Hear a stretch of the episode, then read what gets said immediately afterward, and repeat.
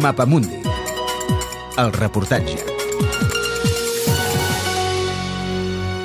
El futur incert dels jihadistes estrangers.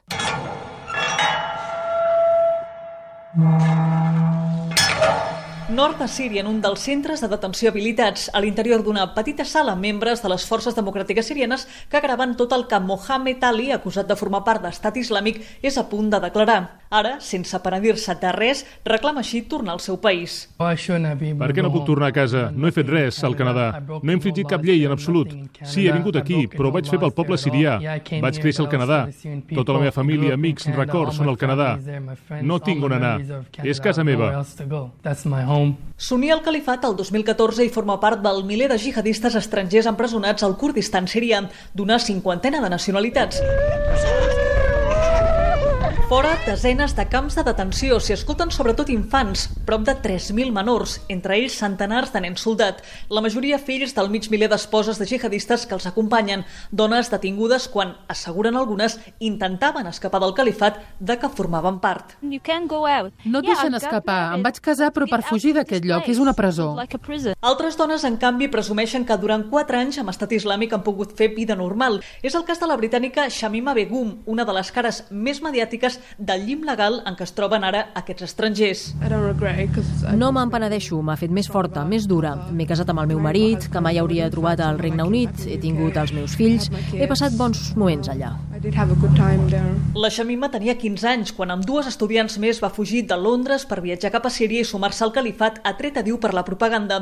Ara en té 19, ha tingut 3 fills, dos han mort per desnutrició i el petit té només setmanes. Reclama que el Regne Unit el repatriï. Però lluny d'això, el govern britànic ha reaccionat retirant-li la nacionalitat. Aquesta era la primera reacció a una pregunta sobre retorns del secretari d'Estat. Ara que l'autodenominat califat es desfà, alguns ciutadans britànics que es van unir al grup estat islàmic volen tornar. I ha estat molt clar, senyoria, com pugui, si suposa una amenaça, no dubtaré a impedir-ho. En què basen els estats d'Europa aquests recels a l'hora de repatriar els seus jihadistes? Repte a nivell de seguretat. Molts països temen el retorn d'homes entrenats militarment, familiaritzats amb explosius i amb un adoctrinament clar contra Occident i Europa en particular.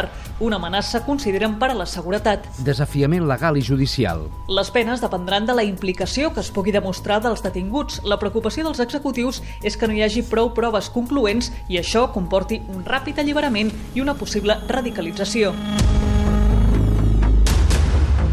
Però quins són els perills de deixar-los al nord de Síria? Dispersió dels jihadistes. Amb la sortida parcial dels Estats Units, les milícies kurdàrabs avisen que no podran custodiar tants detinguts. Es tem que acabin en mans del règim de l'Assad o d'Erdogan, fins i tot que cèl·lules d'estat islàmic ataquin les fràgils presons per alliberar els seus companys. Radicalització dels detinguts. Privar els extremistes del dret a tornar al seu país d'origen reforça la propaganda d'estat islàmic de que no pertanyen a un Occident que altre cop els abandona.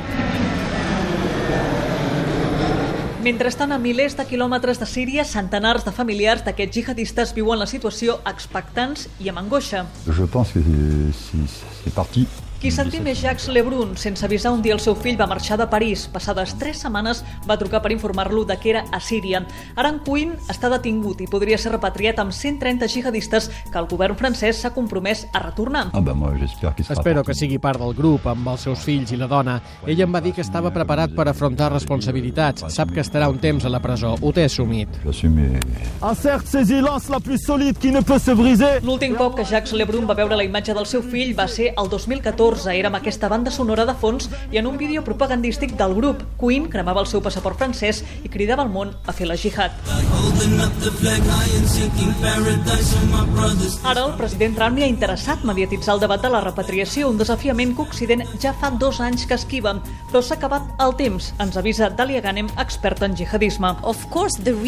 És clar que el risc zero no existeix i no sabem quants es podran rehabilitar, però insisteixo, si continuem oblidant el problema o mirant cap a una altra banda, aquest extremisme tornarà cap a nosaltres en pocs anys. In a few years. És un reportatge de Txell Feixes amb muntatge musical de Jordi Galbany, disponible al podcast del Mapamundi.